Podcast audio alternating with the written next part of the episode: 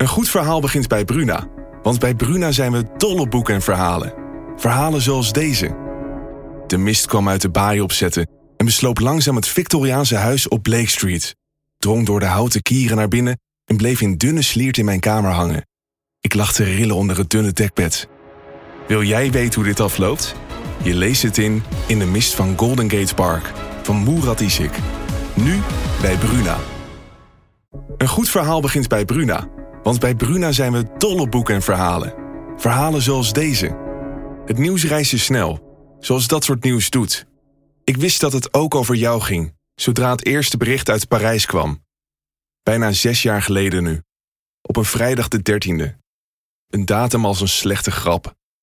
Jij was er ook, Flo. En op jouw profiel bleef het stil.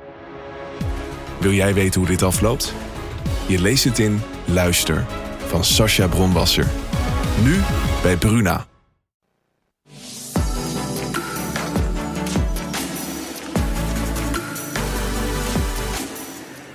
Een hele goede middag en welkom bij Talk of the Town. Een team van gespecialiseerde rechercheurs gaat oude zedenzaken onderzoeken. Maar waarom nu pas? Je hoort het zo. En morgen staat heel 050 in het teken van mode. Overal in de stad, maar vooral hier in het Forum kun je allemaal toffe dingen doen. 3 voor 12 Groningen is hier en pakt uit en laat ons nieuw muzikaal talent zien.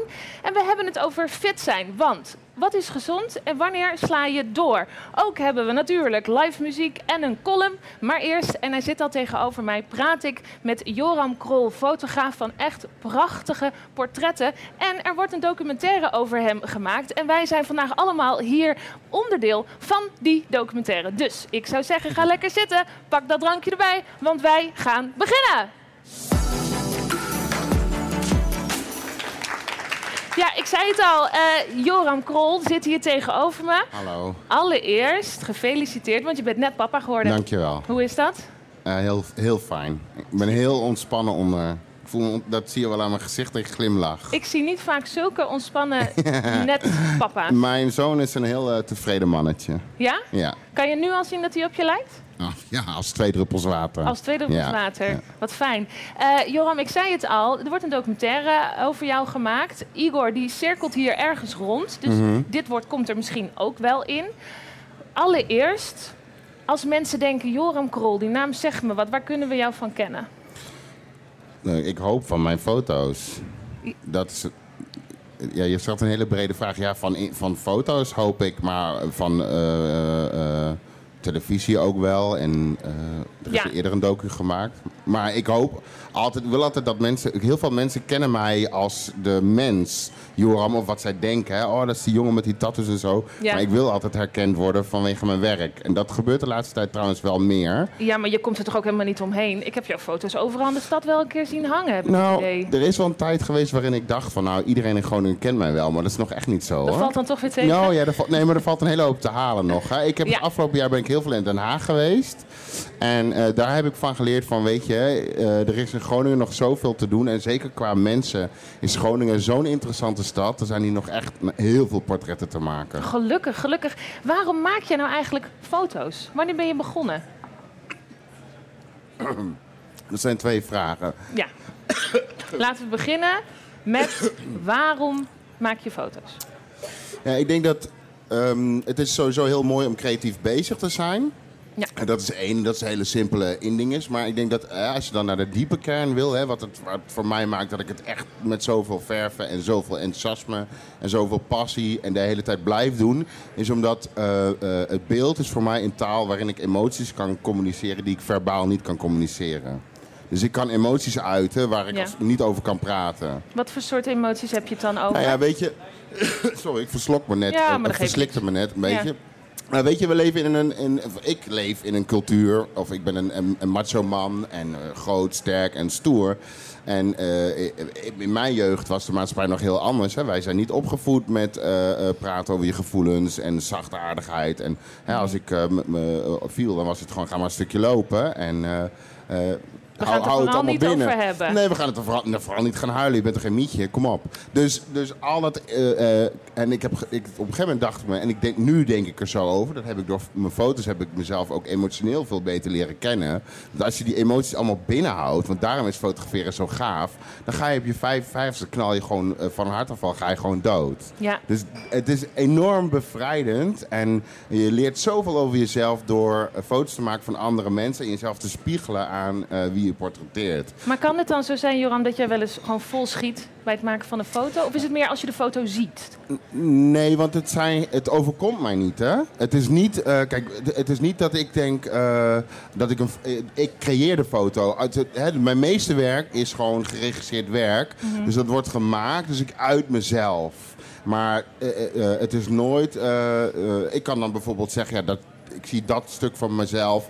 Of ik zie dat. Maar het is heel. ehm, het is nooit iets wat poetsboem, eh, gebeurt. Dat ik Nee. denk, oh, ik, nee, ik schiet nooit vol bij mijn werk. Maar dat- nogmaals, ik ben dus wel echt een macho man. Hè? Dat, is niet, dat wordt heel verleidelijk om te denken, oh, hij is eigenlijk heel gevoelig en zachtaardig. Nee, dat, dat- die kant hebben we allemaal wel. Ja. Maar ik, ben, ik huil niet snel. Nee? Dus nee. Krijg ik jou nu niet aan het huilen? Nee, gaat je oh, dat zou toch zo mooi zijn? Nee, nee maar dat, dat, weet je, ik wil oppassen. Kijk, het, het, het is dat stukje, dat hele kleine stukje wat ik wel kan aantikken. Want dat maakt die fotografie voor mij zo bijzonder. Ja. Zijn dingen waar ik, waar ik ga echt, kan echt niet over dat soort gevoelens praten. Want die kan ik wel in Ja. zo'n foto kwijt. En dat is zo fijn, dat En dat dat, maakt jouw het heel mooi, is. ja.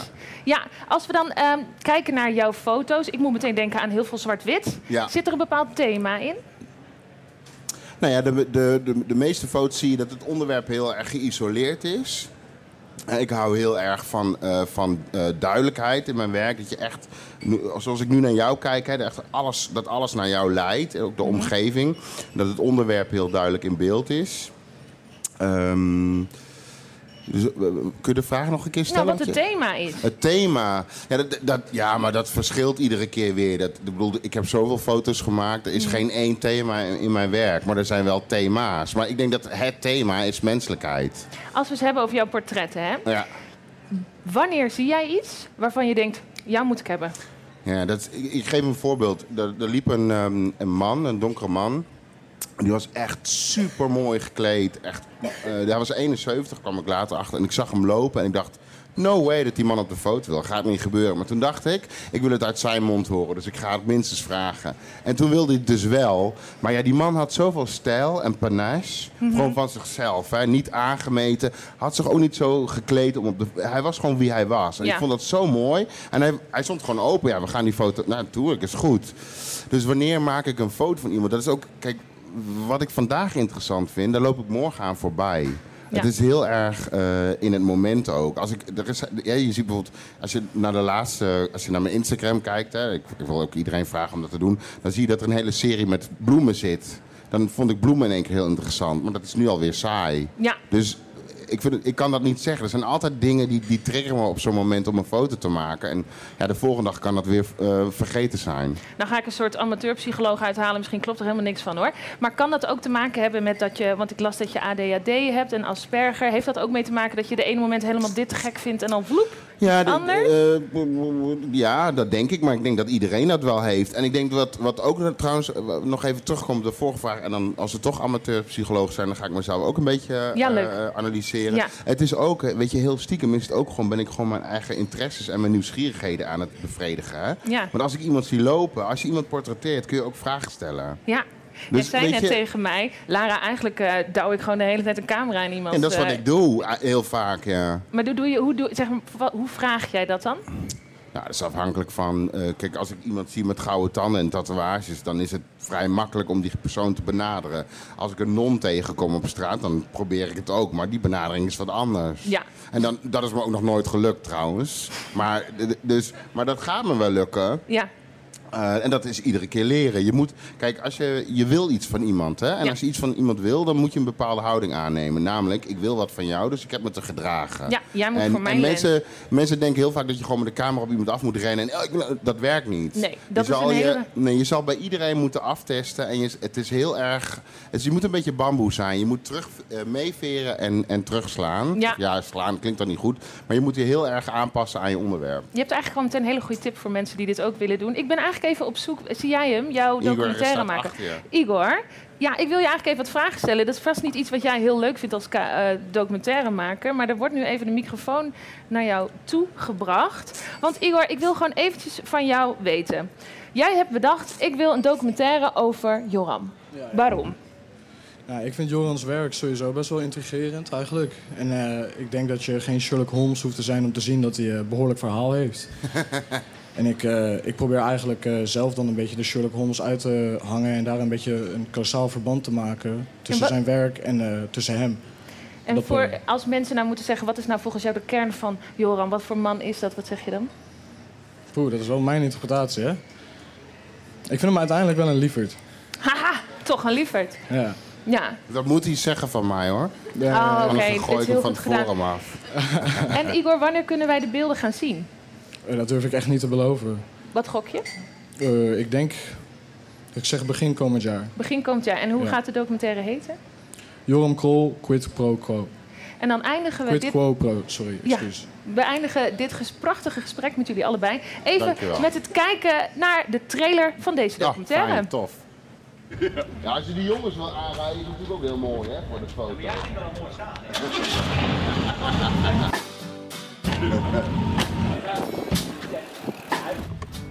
Fuck nee.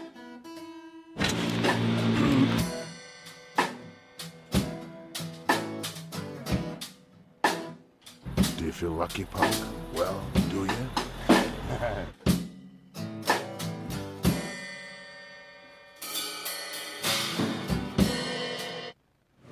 Dat ziet er nu al prachtig eh, uit. Joram, ga lekker zitten en geniet van de show. Mag ik een heel hard applaus voor Joram Krol. Goed. En dan gaan we door naar mijn volgende gast. Want wij waren eigenlijk al bijna me- klaar met het draaiboek van deze show. En toen lazen we in het Dagblad van het Noorden het ontluisterende stuk van Bas van Sluis, die nu al bij me zit, over de grote achterstanden bij aanrandings- en verkrachtingszaken. En nu is er een speciaal team opgericht die de komende maanden moet gaan helpen bij 130 zaken van de zedenpolitie. Bas, ik ben heel blij dat je hier bent, want Hallo. daar heb ik nogal wat vragen over. Je bent journalist eh, van het Dagblad van het Noorden. Heb jij een bepaalde expertise? Eh, ja, ik werk bij de nieuwsdienst, eh, eh, algemeen verslaggever, maar ik schrijf vooral over aardbevingen en gaswinningsproblematiek. Oh. Op dit moment. Maar dit is dan even heel wat anders. Ja, maar goed, ik ben nog steeds wel algemeen verslaggever. Politie, justitie doe ik er ook wel eens bij. En ik heb ja, wel interesse in zeden, zedenzaken. Ik volg al een hele tijd een zaak. Dat kennen mensen misschien wel over die man die in Rode een meisje heeft misbruikt. Nou, Ja. daar heeft de politie heel lang naar gezocht. Ik vond dat heel gek, want er waren hele duidelijke beelden van die man. Ik heb die foto uitgeprint en die hangt eigenlijk bij mij op het kantoor. Dat ik elke dag eigenlijk naar die man keek van... we gaan hem een keer pakken of ze, ga- ze gaan hem een keer pakken. Zo, dus En uiteindelijk is dat gelukkig ook gebeurd. Dat, je eh, bent dus ontzettend betrokken als journalist met, met de zaken waarover je schrijft. Wij hebben met eigenlijk ingehouden adem gelezen naar jouw eh, artikel over die ja, grote achterstand, kan je misschien wel zeggen. Wat was de aanleiding van het stuk wat jij hebt geschreven? Nou ja, ik zei dat ik, dat ik wel vaker over zeden en, Ja. en dergelijke schrijf. Eh, en afgelopen augustus kwam er een, een klokkenluider die bij NRC Handelsblad vertelde dat het heel slecht gaat bij de politie Midden-Nederland. Eh, daar werden kamervragen over gesteld. En toen heb ik mezelf gewoon eh, in de agenda gezet van sluis opletten. Daar komt vast wel een keer antwoord op van de minister van Justitie. Ja. En dat was vorige week, begin vorige week was dat inderdaad zo. En er werden wat cijfers en hoe de situatie in elkaar steekt. En toen heb ik de telefoon gepakt en de politie gebeld van... goh, ik lees hier cijfers over Midden-Nederland. Hoe is het eigenlijk in Drenthe, Groningen en Friesland? Daar schrokken ze natuurlijk, want ja, het is geen mooi verhaal. En dat begreep ik direct al, omdat ze een dag later zeiden van... ja, we, willen, we hebben wel cijfers voor je, maar wil je dan ook praten met onze, of met onze teamchef?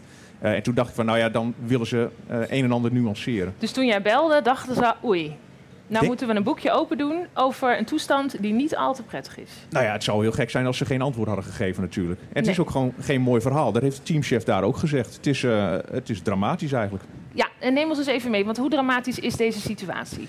Er liggen eh, een paar honderd zaken, eh, is de politie mee bezig. Eh, en een groot deel daarvan ligt er al een half jaar of langer. Ja. Nou heeft de politie een afspraak met het Openbaar Ministerie... dat zaken, onderzoeksdossiers, eigenlijk binnen het half jaar aangedragen dienen te worden. Nou, dat is in 80% of de, de norm ligt op 80 eh, de politie zit op dit moment op 42% Dus ze gaan het bij lange na niet, niet halen. Nee. Nou ja, en het zijn natuurlijk hele gevoelige, eh, eh, gevoelige zaken. Want wat voor soort voorst- mensen zijn er nodig om dit soort zaken af te handelen? Nou ja, het zijn natuurlijk zedenregisseurs en dat zijn gespecialiseerde regisseurs die een aparte opleiding moeten, moeten volgen. Dan heb je nog mensen die camerabeelden bekijken of internet eh, voor kinderporno en dergelijke. Dat zijn, dat zijn gewoon hele zware, zware functies. Ja. En dat vertelde die chef op zich ook wel. Ehm, het is heel moeilijk om goede mensen te krijgen. Eh, want hij wil niet inboeten aan kwaliteit, zei hij. Ja. Maar eh, hij heeft het eh, wel meegemaakt dat er mensen solliciteren op de afdeling zeden, de opleiding doen, beginnen, na een half jaar gewoon afknappen. Omdat En het komt gewoon... dat door die ontzettend heftige verhalen waar je dan mee te maken hebt als rechercheur? Ja, nou moet het ook niet spannender maken dan het is. Oh. Je hebt natuurlijk hele, na- hele nare beelden wa- waar je naar moet kijken. Maar het is in de regel ook gewoon een kantoorbaan. Het is niet zo dat ze elke dag in een eh, auto met eh, eh, sirenes door de, de stad van Groningen achter, Nee. achter nou ja, criminelen aangaan die zich bezighouden met dit soort zaken. Zeg En maar. voor die kantoorbaan die een beetje op een kantoor... maar daar zijn dus op dit moment te weinig mensen. Ja, ze hebben in, voor Drenthe, Groningen en Friesland hebben ze iets van 75 FTE. Ja. En daar missen ze sowieso 10. En dat nieuwe samengestelde team, die, die gaat dan nu helpen om die zaken Ja, want ook, lossen. ook bij de politie eh, zien ze natuurlijk wel van ja, dit is wel heel vervelend. Dit is gewoon echt heel naar, want het, het gaat natuurlijk over lichamelijke integriteit. Van Ja. Met name vrouwen, maar kinderen natuurlijk ook. Ehm, en zij hebben 130 zaken uitgezocht die, die al langer dan een half jaar op de plank liggen. Hoewel eh, de politie niet wil dat ik schrijf dat ze op de plank liggen, want ze zeggen dat ze er wel mee bezig zijn. Ja, Maar ja, het duurt wel heel erg lang. ja. En ze hebben nu 21 mensen bereid gevonden, oud-zeden regisseurs, ook met nieuwe mensen trouwens, die deze 130 zaken in negen maanden tijd proberen weg te werken. Jeetje. Ehm, ja. Trouwens, wel goed om te weten, het gaat natuurlijk niet alleen om verkrachtingszaken. Eh, het gaat bijvoorbeeld ook om grooming of eh, nou ja, iets van online misbruik en dergelijke. Eh, incest. Zit er eigenlijk een voorbeeld of een volgorde in bij de politie? Bijvoorbeeld, dit zijn dan zedenzaken. Zijn er andere zaken die voorrang hebben? Nee, dat geloof ik niet. Ik, eh, sowieso denk ik dat de politie altijd wel eh, zijn best doet. Ja, Ehm, en het is ook niet zo dat ze een dagelijks paneeltje hebben dat ze schuiven van nou laten we vandaag eens even op drugs inzetten en morgen op zeden. Zo werkt dat niet. Maar er, wordt gewoon in Den Haag in overleg met de landelijke politie of de nationale politie ja. overleg van ja, waar liggen onze prioriteiten? Maar ja, zeden is, is zo'n ding, ja...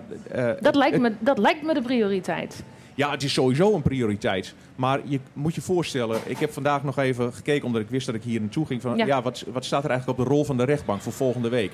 Alleen al in Drenthe, dus op de rechtbank Assen, Ja. ben ik even snel scrollen, hè, ben ik vier ernstige zedenzaken tegengekomen. In Noord-Nederland komt het nogal, en in de rest van Nederland overigens ook, komt het nogal veel voor. Ja, En dan moet je je voorstellen, een, een vrouw komt eh, bij de politie.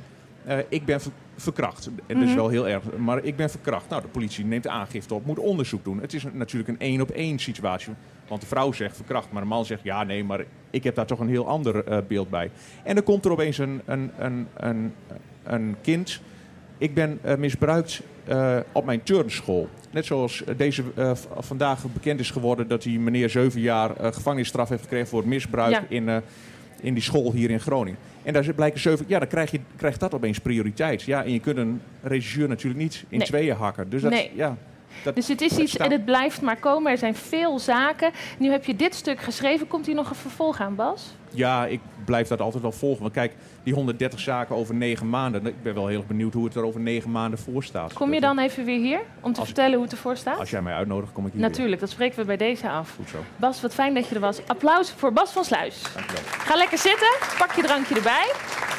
Goed, eh, en wij gaan naar onze columnist. En dat is vandaag Sanne. Dat is altijd heel fijn. Sanne komt er al eh, bij zitten. Sanne, het is misschien een beetje gemeen dat ik het zeg, maar ik hoorde van de redactie dat we je hebben behoed eh, van een filmpje over je koortslip. Ja, Wat, is, wat voor filmpje gaat er? ja dat kan ik niet vertellen. Dat Kan je niet vertellen? Nee, ja, maar ik kan het wel vertellen. Ik ben een keer in Groningen geïnterviewd. Er zit ook een, een oud leerling in de zaal en die, Ah, die leuk. weet dit. Oh, Ehm, ik ben waar een zit de oud-leerling? Oh, hallo Oh, oud-leerling. sorry, die wou ja. eigenlijk niet op de camera. Ja. Ehm, maar ik ben een keer ge- gevraagd. Er was zo'n interview over wat wil Groningen van Sinterklaas. En ik word dan altijd heel ongemakkelijk als iemand mij dat vraagt. Dus ik was aan een winkel ingegaan. En toen heb ik, had ik dus pilletjes tegen koortslippen gekocht voor mijn broertje. En toen heb ik dus blijkbaar in de camera gezegd... onze hele familie heeft herpes. Daar ben ik toch eigenlijk wel benieuwd. We hebben speciaal voor jou, laten we het niet nu zien. Oké. Maar ik ga toch wel even Ja, je kijken. kunt het opzoeken. Het heet volgens mij...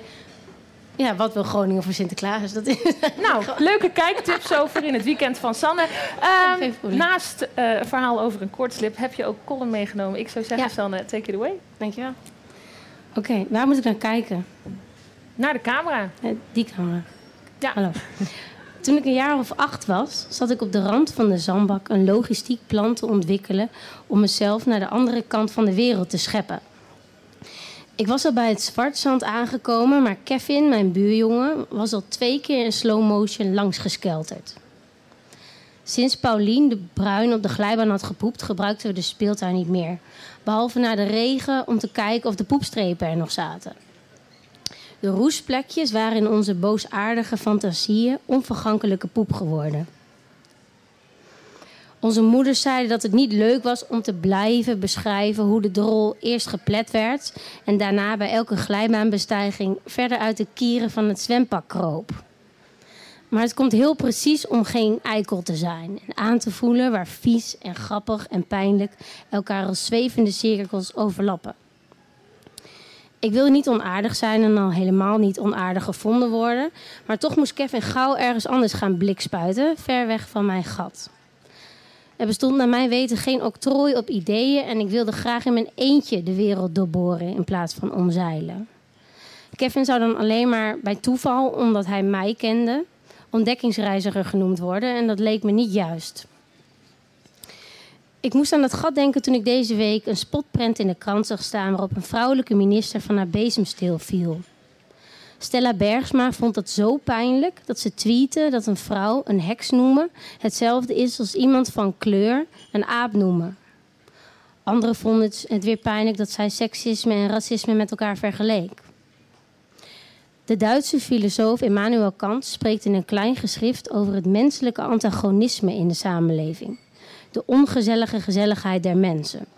De neiging om zowel deel van een samenleving uit te willen maken als je te willen isoleren. Het komt overeen met de betekenis van het woord heks. Dat zou afstammen van het Middel-Nederlandse woord hagetisse en verwijst naar vrouwen die zich graag deels binnen de gemeenschap, maar ook buiten die omheining wilden bevinden. In een naslagwerk schreef iemand dat Kant bedoelde dat we allemaal rivalen zijn dat die lelijke eigenschappen als heers- en eerzucht juist voor ontwikkeling van onze talenten zorgen. Een natuurlijk middel van elk beestje om in het bestaan te volharden. Ik denk dat heksen zichzelf niet zo zagen. Die willen gewoon soms kuilen graven en proberen om geen eikel te zijn. Dankjewel. Sanne! Goed. Breed, sterk en strak. Zo ziet de perfecte killer body eruit. Sportscholen die schieten als paddenstoelen uh, uit de grond. En een eiwitshake of een proteinbar is eigenlijk nooit ver weg. Lekker pompen in de gym, hartstikke normaal. Maar al dat sporten, is dat eigenlijk wel zo gezond? Ik praat erover met sportpsycholoog Renate Hensen en schrijver, coach en oprichter van Fit.nl. Het staat ook op zijn t-shirt. Jeroen van der Mark. Jeroen en Renate, wat goed dat jullie zijn. Um, Jeroen, ik begin gewoon meteen even bij jou. Hmm. Ik heb het idee dat de hele wereld aan het fitnessen is. Klopt dat beeld? Ja, het is wel gegroeid de afgelopen jaren. Ik denk, uh, afgelopen tien jaar is het echt procentueel flink toegenomen. Ja. Ik denk dat ik de eerste paar jaar dat ik uh, ging trainen nog een beetje een excuus was. Dat mensen zeiden van ja, ik doe er wel een sport naast. En nu is het tegenwoordig ook geaccepteerd om krachttraining te doen. Want hoe keken ze er dan eerst? Wat, wat zeiden mensen als je zei ik ga naar de gym? Ja, er zat toch een beetje een stigma op. Wat dus voor ik, stigma? Ja, ja, in een donker hokje trainen. En dat is super zonde, want het biedt zoveel voordelen. Krachttraining. Ik maakte er eigenlijk ook altijd wel een beetje grapjes over. Zei ik altijd Ja. een beetje domme mannen, Ja. vond ik. ja, nou ja, vrouwen doen het ook, maar die stonden meer op de cardioapparatuur. Maar dat is echt heel erg toegenomen. En ik denk dat het onder leiding van de individualisme, individualiserende samenleving, dat het wel eigenlijk die trend is meegegaan. Dus eigenlijk is die sportwereld wel degelijk veranderd. Dus dat gevoel van mij dat de hele wereld in de gym leeft, wat een beetje overdreven is, klopt wel een beetje misschien. Ehm, Jeroen, ja, ik zei, je, hebt je, je hebt je shirt al aan. Fit.nl, daar ben je de oprichter van. Even in het kort, wat is dat? Ja, mensen zoeken online en ook uh, in de omgeving altijd naar informatie en betrouwbare informatie. Ze willen het goede antwoord en wij proberen dat online te geven. Uh, zo eerlijk mogelijk, betrouwbaar vanuit de wetenschap en dan naar de praktijk toe. Dus dat doen we online. Uh, eigenlijk fabels ontkrachten en mensen een eerlijk antwoord geven over krachttraining, voeding, sporten, leefstijl. En wat voor fabels zijn er dan? Over, over krachttrainen en sporten? Ja, dat uh, mannen die aan krachttraining ontzettend dom zijn. Ja, nee, dat is uh, net ontkracht. ja. En uh, ja, je kan allerlei dingen, dingen denken dat suiker bijvoorbeeld slecht is. dat je heel snel moet afvallen.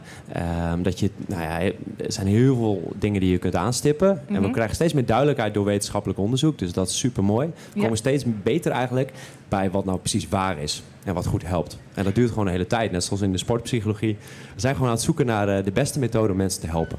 Dus fit worden ja, maar dan wel een beetje met beleid. Precies. En als je dat een juist beleid wil hebben, dan kan je naar fit.nl.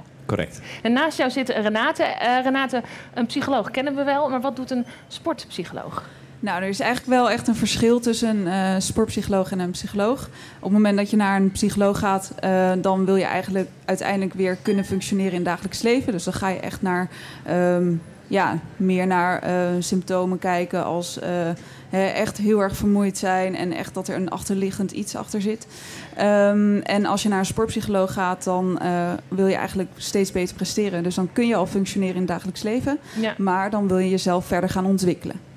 En wat er allemaal in een hoofd omgaat van iemand die heel veel sport, daar wil ik zo met jou over praten, Renate. Maar eerst even Jeroen. Uh, ja, het is uh, moeilijk te ontkennen. Jij bent breed en gespierd en strak. Was dat altijd al zo? Nou, ik denk vanaf mijn achttiende dat ik flink ging trainen. Mm -hmm. um, ja, dat, kunnen, dat, is, dat is jouw interpretatie dan, dat je dat vindt. Ik heb hier een uh, hesje aan, maar goed. Um, ja, dat heeft zich wel ontwikkeld over de jaren. Ik denk vanaf mijn achttiende dat ik flink aan krachttraining deed. En uh, die passie heeft zich voortgezet. Dus, en waarom uh, wilde jij dat toen op je achttiende? Mm, ja, ik denk, dat, ik denk dat er meerdere redenen voor zijn. Ja. Ik denk dat er meerdere redenen zijn. Momenteel is het ook gedeeld vanuit mijn werk natuurlijk. Ja. Maar voorheen was dat denk ik um, een stukje persoonlijke ontwikkeling. Het is leuk om nieuwe dingen te ontdekken. Ik denk ook wel deels het schoonheidsideaal wat steeds meer opkwam. En uh, dat je als man, nou werd al net het woord in, in een van de eerdere interviews gezegd, macho, sterk. Nou, en dat dat daarin meeging. En nou ja, dat ik dat ook belangrijk vind om dat uh, te zijn. Dus ik denk dat het ook een motivatie was die uh, als volgens een hele visieuze cirkel op gang bracht. Ja. En dat ik nu nog steeds aan het trainen ben. En als 18-jarige jongetje is het natuurlijk ook wel logisch dat je aan zo'n ideaal wil voldoen, ja. denk ik. Hoe ziet nou, dat? weet ik niet. Want dat is de vraag. Want niet iedereen doet dat dus. Dus niet iedereen wil mee in, in een bepaald schoonheidsideaal. Nee. Ik denk dat sommige mensen doen het voor de lol, krachttraining en sporten en bezig zijn met fitness. Of, of gezondheid überhaupt.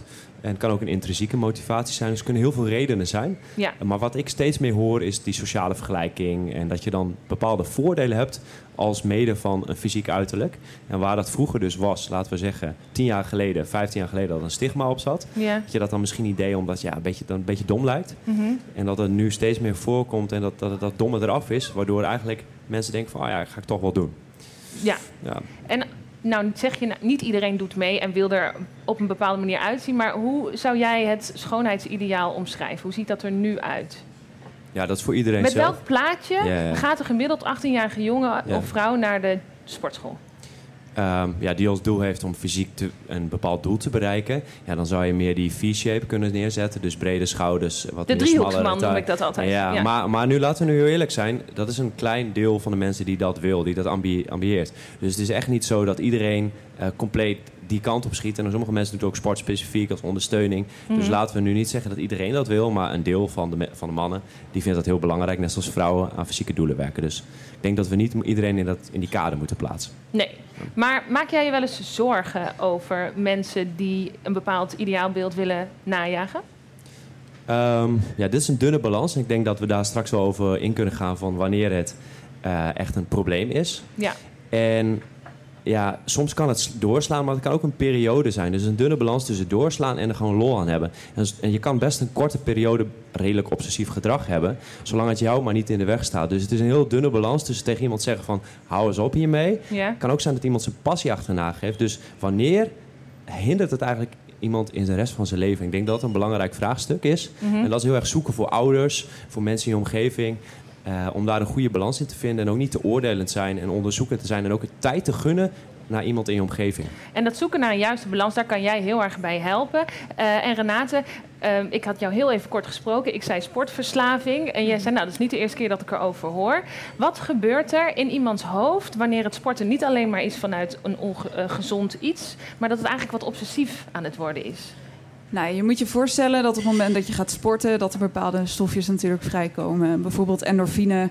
Uh, en dat geeft natuurlijk een goed gevoel. Iedereen kent het wel. Hè? Eerst um, heb je niet zoveel zin om te gaan sporten. En eigenlijk achteraf denk je, ha, gelukkig, ik heb toch wel gesport. En dat is eigenlijk dat gelukshormoon wat je uh, maakt.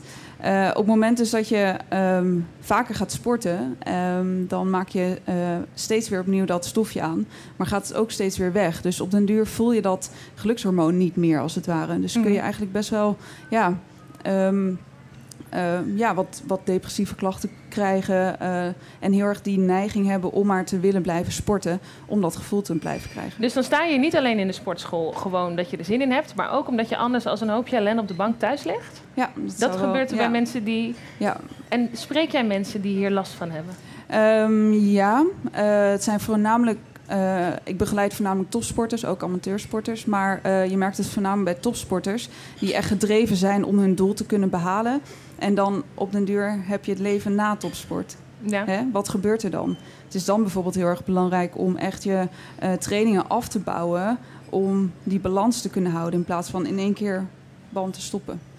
Stel nou, hè, want ik weet dat er mensen in de zaal zitten die het in hun omgeving willen zien en zich zorgen maken. Mm -hmm. Wat zijn kenmerken? Waar kunnen we op letten? Wanneer is het volgens jou ongezond? Ja, ongezond gezond. Ja, wanneer is iets gezond of ongezond? Um, op het moment dat je uh, ja, eigenlijk overtraind raakt, uh, dan begint het ongezond te worden. Mm -hmm. En dat heeft te maken met belasting en belastbaarheid. Dus op het moment dat jij um, uh, te veel belasting hebt, terwijl jouw belastbaarheid eigenlijk minder is, dan uh, begint het ongezond te worden. Dan krijg je klachten als, um, nou, wat ik al zei, depressie, maar ook kun je het zien aan uh, gewichtsverandering, uh, voornamelijk gewichtsverlies. Ja. Uh, mensen krijgen um, emoties, um, extremere emoties. Um, nou, dat soort dingen kun je aan denken. Ja, Jeroen, ja. heb jij het wel eens gehoord van mensen om je heen? Zei Jeroen, echt, doe eens wat anders. Je bent veel te veel aan het sporten? Ja, nou, ik ken je al heel lang en misschien de krachtsport, krachtsport start van mij. Ik denk dat hij toen flink aan het trainen was. Dus het zal me niks verbazen als jij ook wel eens eh, 10, 12 jaar geleden tegen mij gezegd hebt van wat ben je aan het doen? Of mensen in mijn omgeving. Ik denk dat vrij snel hoor, bij ja, mensen die sporten. Okay, en ik dus... denk dat is een heel, hele andere wereld. maar maar um, ja, nee, ik, ik heb dat zeker wel in mijn omgeving gehad. Maar ik trek vaak mijn eigen pad. Ja. Um, maar ja, ik denk dat het wel goed is dat je altijd verschillende signalen uit je omgeving hoort. Want mensen horen het wel, wat ze volgens mij doen. Ze verzamelen vaak wel die informatie. Ja. Dus ik denk dat het wel belangrijk is om... Ik denk dat vooral dat je mensen niet beoordelen. Moet, uh, ja, je moet vooral een vraag stellen. Ja, we dus moeten van, niet hey, met het vingertje gaan wijzen. Ja, maar het is dat- wel goed om erop te letten. Jeroen en Renate, heel erg fijn dat jullie wilden aanschuiven. Ga lekker zitten en geniet nog even van de nou, we show. gaan trainen. Ja, eh, nou, ja. Hey Jeroen en Renate. Ik weet niet of we gaan eh, trainen, Jeroen.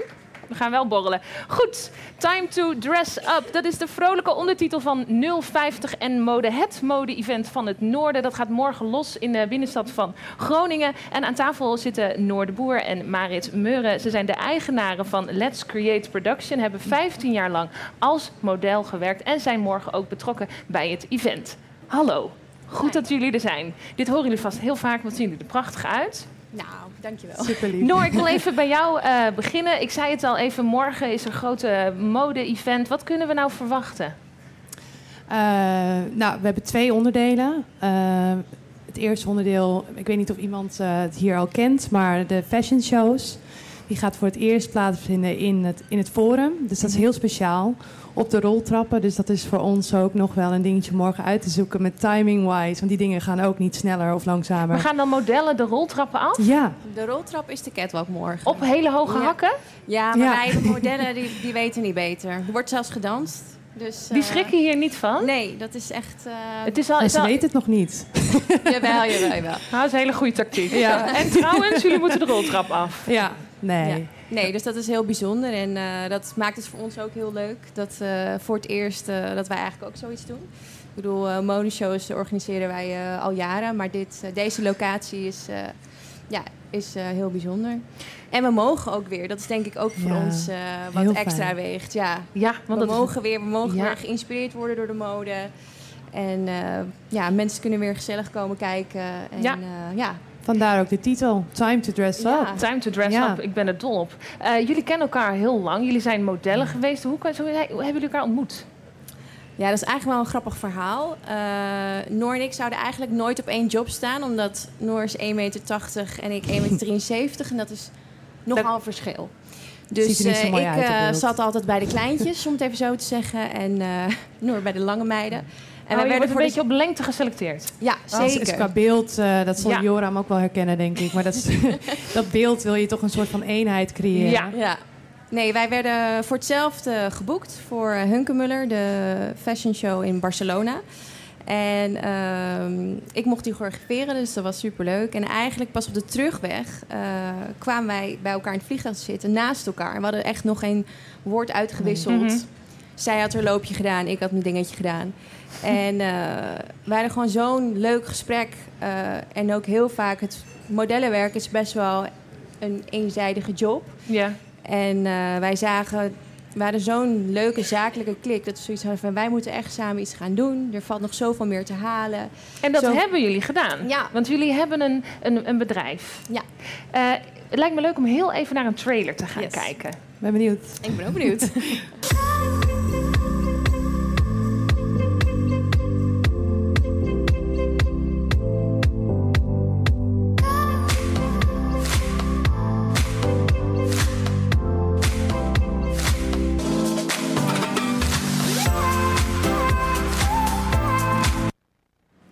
dit ziet er fantastisch uit. Ik denk dan wel, als ik in een zwembad lig, dat ziet er helemaal niet zo glamorous uit als dit. Is dat hele, die hele modellenwereld, is dat zo glamour Oh nee. en, en prachtig zoals in deze trailer? Nee.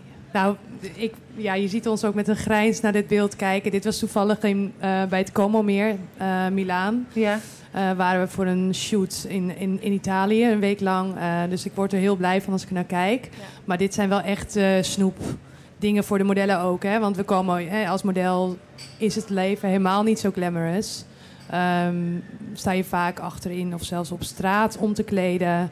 Eh, Ja? je maakt heel wat mee. Het lijkt natuurlijk op Instagram super mooi met het perfecte plaatje wat je dan schiet. Eh, nou ja, wat goed is om te weten, op zo'n dag wordt er bijvoorbeeld eh, drie video's opgenomen. Eh, er moeten iets van 30 beelden afgeleverd worden. Dus er zijn wel vier verschillende settings. De modellen moeten in de make-up, moeten omgekleed worden. Ja. Dus gewoon, het ziet er allemaal geweldig uit en dat moeten we het ook uitstralen. Maar die moeten gewoon keihard werken. Dus Ja. Dus als ik als, als, als brand naar jullie zou gaan, dan kunnen jullie voor mij helemaal zorgen dat alles qua beeld klopt. Ja. Dus dan, dan krijg je zo'n mooie shoot en zo'n en zo'n mooie vrouwen in een zwembad en alles. Ja. Het- ja, we zijn eigenlijk altijd gewoon hè, eerst aan het aftasten wat wil een klant. In hoeverre zijn ze al voorzien in dingen en in, ho- in hoeverre willen ze juist hulp van ons. Ja. Ehm, dus bij sommige klanten begint het zelfs al bij het, het stukje concepting, branding, ideeën bedenken en dat helemaal uitwerken. Ja. En dat is gewoon, dat geeft heel veel energie, want je kan gewoon precies bedenken wat willen wij op beeld gaan eh, laten zien. Ik denk dat ook heel. Wat, wat het zo leuk maakt, is wij ehm, zijn voor elk bedrijf bij een heel speciaal moment. Zij bijvoorbeeld een eh, fashion label die werkt een hele lange tijd aan nieuwe collectie. En dat moet dan op beeld. eh, Mhm. De modellen gaan ze uitkiezen, locatie, et cetera. Er zit natuurlijk een heel marketingplan achter. En Ja. wij zijn er elke keer bij. En wij Ja. mogen dat eigenlijk dan waar gaan maken. Ja, heel lekker. Ik wil nog even van jullie weten, ik had het net met Jeroen ook over een veranderend eh, schoonheidsideaal. Is die modellen en het, het perfecte model, is dat ook veranderd? Het beeld? Gelukkig wel. Want ik weet, in mijn tijd waren ze allemaal graadmager. Ja. En dan waren ze nog te dik. Dat kan ik me herinneren van modellen. Hoe, is, hoe ziet dat er nu uit? Het is een beetje eh, extremen. Dus eh, je ziet steeds meer wel die vollere vrouw of man op de catwalk. Maar dan gaan ze weer helemaal naar een echt, echt heel, de echte ertussenin. De Nederlandse maat. Volgens mij is het 42, de meest gangbare. Ja. Dat zie je nog niet zo gauw. Wij Dus- hebben bijvoorbeeld morgen ook eh, in de modeshow hebben wij eh, maat 36, 38, maar we hebben ook bijvoorbeeld een maat 44 ertussen zitten. En wij vinden het ook belangrijk om eh, te kunnen laten zien dat het voor Dus ik iedereen kan ook op is. de roltrap met mijn maat Ja. 44. Ah, leuk. Als jij je om acht uur meldt bij de make-up eh bij Fysici-team, dan Ja? mag we jou in. Oh, dan kom ik van mijn Dus roltrap bij voor deze afgesproken Oké, oké, oké. Moet ik ook hakken aan? Nou, daar hebben we Nou, nog wel het nog over. Ehm, even heel kort, ik wil van jullie allebei één tip voor iedereen die nu denkt, weet je wat, ik ga morgen even kijken. Waar moeten we naartoe? Begin maar. Nou, naast dat we drie uh, diverse modeshows hebben, is het misschien heel leuk. Neem je moeder mee, je oma mee. Want het zijn natuurlijk merken. Het is voor iedereen uh, wat wils. Ja. Om het even zo te zeggen. En we hebben de closet sale. Ja. Misschien kan jij er wat over vertellen. Ja, er is een hele leuke closet sale. Uh, we hebben ook, wij hebben een enorme stylinghoek met items die maar één keer gebruikt zijn tijdens een shoot. En vervolgens bij ons op het zolderkamertje liggen. Nee, nee. En dan kunnen we bij jullie kijken. Ja, en ja, voor dus een hele mooie prijs. Voor een hele, mooie prijs. Ach, dus, uh, nou, jullie gaan die hele closet zelen. Ik wil niks meer mee naar huis nemen. Heel erg fijn dat jullie er waren. Mag ik een heel hard applaus voor Noor en Marit. Dankjewel. Goed, en dan is het tijd voor muziek. En iedere laatste vrijdag van de maand schuift Milan Bos, dat doet hij nu, aan. Hij is redactiechef bij VPRO 3 voor 12 Groningen. En hij presenteert ons nieuw muzikaal talent. En dat is perfect, want ben je nou niet helemaal op de hoogte van het laatste bruisende nieuwtjes uit de muziek zien? Dat geeft niks, want wij hebben Milan. Hallo Milan. Hallo. Wat goed dat je er bent ik hoorde dat je bent gespot langs de Unmute As-demonstratie laatst. Ja, ik kwam, uh, ik kwam inderdaad uh, mensen van jullie redactie tegen. Ja, nou ja, dat was, moest ik natuurlijk wel even bij zijn. Wat viel jou op aan die hele Unmute As demo? nou ja, natuurlijk dat het nu zo ontzettend groot was. zoveel groter dan de, dan de vorige keer. Mm -hmm. De eerste keer, nu met nou, twee, 23 wagens. Uh, en ik weet nog dat ik uh, alle wagens voorbij heb zien komen. En dat ik toen dacht van nou, dan fiets ik een stukje verderop en dan sluit ik daar weer aan. En uh, ik dacht nou, ze zullen ongeveer bij de Brugstraat zijn. Ja. De laatste wagen was net onder de Paterswoldse de spoorweg door. dus ik dacht nou, naar de Brugstraat. Maar ik kom het Zuiderdiep op en daar draait de wagen van EM2, de voorste, al al, al dat Zuiderdiep op. Ja. Dus uh, ja, dat zegt wel iets over hoe, hoe groot die opkomst was. Ja, ja. echt uh, fantastisch. Ik zei het al, wij vinden het heel leuk. Want één keer in de maand geven we het helemaal aan handen van jou. Bedenk jij welke muziek hier uh, de show gaat afsluiten. 3 voor 12 Groningen. Wat is dat eigenlijk? Wat doen jullie? Ja, wij doen verslag van, nou, althans proberen we, van alles wat er in Groningen speelt. dat is veel meer dan je dan, dan zoals ik nog wel eens uh, denk. Regelmatig dat ik zelf nog verrast word. Uh, er gebeurt zoveel hier. Maar hoe uh, kom je daar dan achter? Ja, goed je ogen open houden en veel mensen praten. Dus ja, als, als je weer mensen tegenkomt... nou ja, het is nu de afgelopen tijd wat moeilijker geweest. Maar nou ja, als je bij een concert bent in Vera, Simplon... nou ja, gewoon veel met elkaar praten. En zo'n beetje de nieuwtjes en nieuwe artiesten die nou, op een gegeven moment komen ze ook wel naar jou toe. Maar, ja, uh, dan weten ze, oh, daar is Milan. Bijvoorbeeld, of dat ze ons mailen of uh, dat op een andere manier. Of Want als ik naar een concert ga, Milan, dan zit ik gewoon een biertje te drinken. Maar hoe sta jij er dan? Uh, ja, misschien toch wel. Nou, ook vaak, vaak met een biertje hoor. Maar, oh, gelukkig. Uh, ja. maar misschien toch wel iets. Ja, je bent toch misschien meer bezig met. ja, kritisch kijken van. Goh, wat, wat is er nieuw aan uh, van wat er in Groningen is? Wat, brengen ze iets nieuws of is het een beetje hetzelfde? Of uh, doen ze iets bijzonders qua act of qua muziek? Uh, ja, ja daar, daar, let je meer op. Ja. En toen je door ons gevraagd werd van, nou, we willen de laatste vrijdag van de maand willen we dat jij de muziek doet. Dat heb je dus nu ook nagedacht. Um, kun je eens iets vertellen over de muziek die straks, ze zit al een beetje achter mij. Waar gaan we zo naar luisteren? Ja, we gaan luisteren, luisteren naar, ik hoop dat ik het nu weer goed uitspreek, uh, Johanna Jorgu. Ja, ik ben ook heel blij dat jij dit hoeft te doen. Ja. uh, en ja, ze maakt een beetje, nou, misschien sommige mensen zullen uit Groningen Kashmira kennen. Het lijkt een beetje daarop. Uh, vrij donker qua thema uh, en lekker stevig. Uh, dus ja, het, het, gaat er wel lekker over met goede gitaren en veel distortion. En, lekker nou, rachen met gitaren? Ja, precies, lekker rachen. Hier geen drums erbij, maar live normaal wel. En ja, maar ze, anders dan Kashmira geven ze iets meer body aan met nou, iets meer instrumentale invulling. Dus en, door jou, Milan, gaan we eigenlijk rockend het weekend in? Dat hoop ik. Ja, ik ben heel benieuwd hoe dat hier uh, gaat klinken. Ik, ben, uh, ik, ook. En als het verschrikkelijk is, is het jouw schuld. Nee, grapje. Uh, Milan, wil jij onze fantastische band aankondigen? Zeker. Moet ik een camera kijken? ja, dat kan. Ja, ja. ja, ik zou zeggen, hou je vast en mag ik een applaus voor Johanna Jorgu.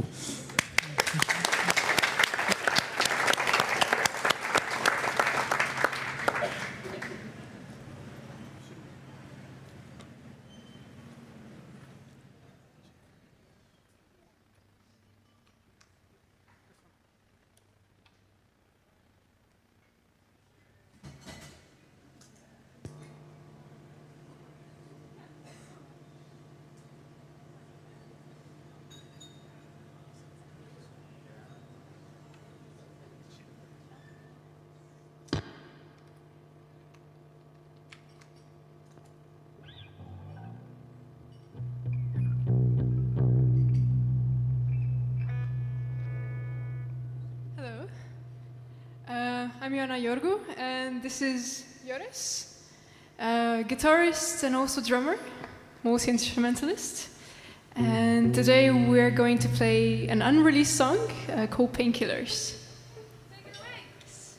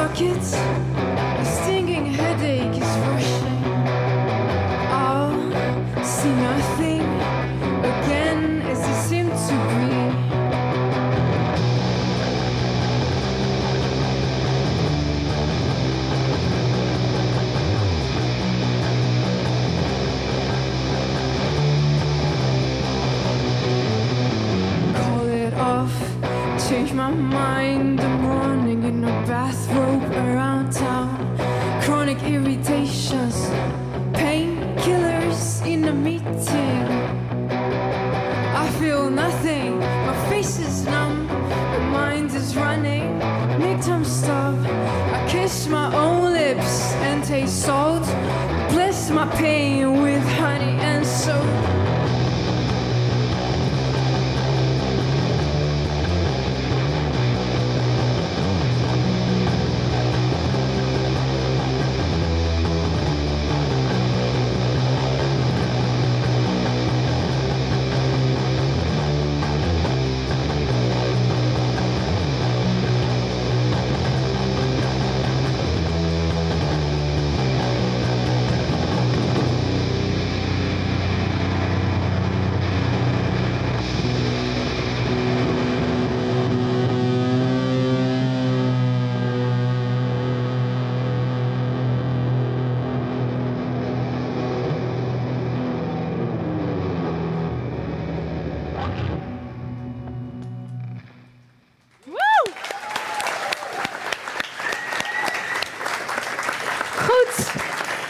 alweer Talk of the Town voor vandaag. Volgende week zit Nathan hier weer. Tot dan!